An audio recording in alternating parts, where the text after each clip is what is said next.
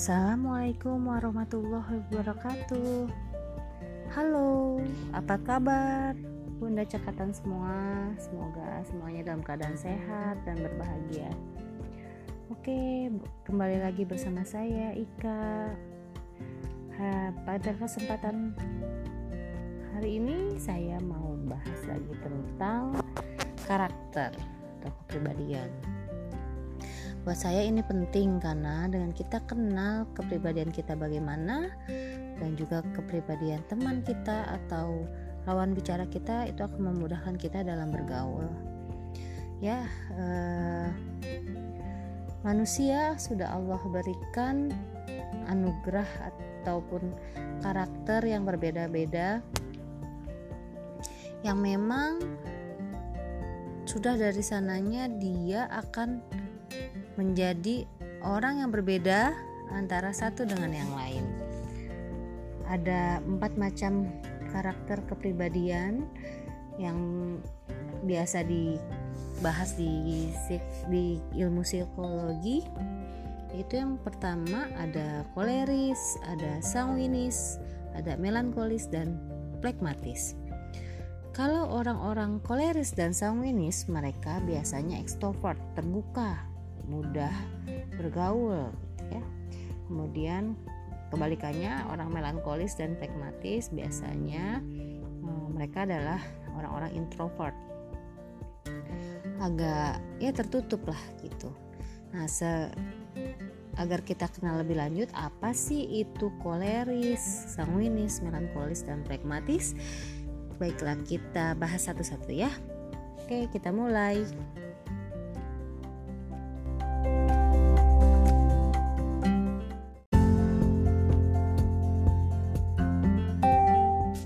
Oke, kita mulai bahas dari kepribadian koleris ya. Jadi koleris itu adalah orang yang percaya diri, berkemauan keras, dia belajar, dia berani, dia uh, tegas, dia berani mengambil resiko, dia organisator, jadi bisa ngajak orang, dia cepat sekali dia mudah jadi pemimpin. Namun banyak kelemahannya juga. Kelemahannya biasanya orangnya egois uh, pendiriannya sangat keras. Jadi mau udah sudah bilang A ya sudah A ya B B. Kemudian dia tidak peka terhadap perasaan orang lain tidak suka diperintah dan dia uh, impulsif senang memaksa orang lain. Namun um, kurang tidak suka dikendalikan atau dikontrol ya. Nah, kalau ketemu yang kayak gini nih, kita perlu apa? Nah, kita nggak usah panjang lebar. Kita ngomongnya langsung kepada masalahnya. Spesifik cepat fokus pada masalah. Jangan jangan mengajari dia nggak suka. Kita ketika kasih fakta uh, ya sudah dan dia jangan sampai berdebat. Kalau berdebat dia akan mau kalah gitu ya. Oke, yang berikutnya adalah kepribadian sanguinis. Sanguinisnya biasa disebut eh, orang-orang uh, populer kalau para artis tuh umumnya sanguinis karena memang dia senang dikenal ya Nah, dia biasanya orangnya itu hangat, bersemangat, berkarisma, senang bercerita bisa panjang deh. Kalau udah senang, meledak-ledak, udah sedih, udah sedih gitu ya. Dia periang pokoknya ya. Nah, pembicaraannya juga berkualitas dan menularkan semangat. E, tadi yang kelemahannya tadi ya, dia gampang sedih, gampang senang gitu ya. Dia dia tidak tenang dan dia cepat berpura-pura ya. Nah kira-kira apa sih kebutuhannya uh, apa namanya untuk kepribadian uh, sanguinis nih? Kalau kita ketemu orang yang kayak gitu kita uh, perhatiin dia dia senang perhatiin dia jadi lakukan kontrak pribadi ditanya opininya menurut kamu gimana? Gitu ya. Kemudian uh, ditanya menurut kamu? Jadi ditanyakan rekomendasinya apa gitu ya. Karena dia simpatik orangnya senang mau menolong dan dia penuh ide berikutnya setelah sanguinis yang kita bahas yang introvert. Introvert itu yang tertutup yaitu uh, kepribadian melankolis dan kepribadian plekmatis. Ya kita mulai dari melankolis. Melankolis itu dia biasanya menganalisa ya menganalisis dia pemikir perenung ya kemudian dia perasa uh, kalau kita kenal sekarang baper. Ya dia stabil dia tekun dan akurat. Kemudian dia detil ya tadi sudah ya detil dan dia perfeksionis. Dia sempurna dia pengennya rapi gitu ya.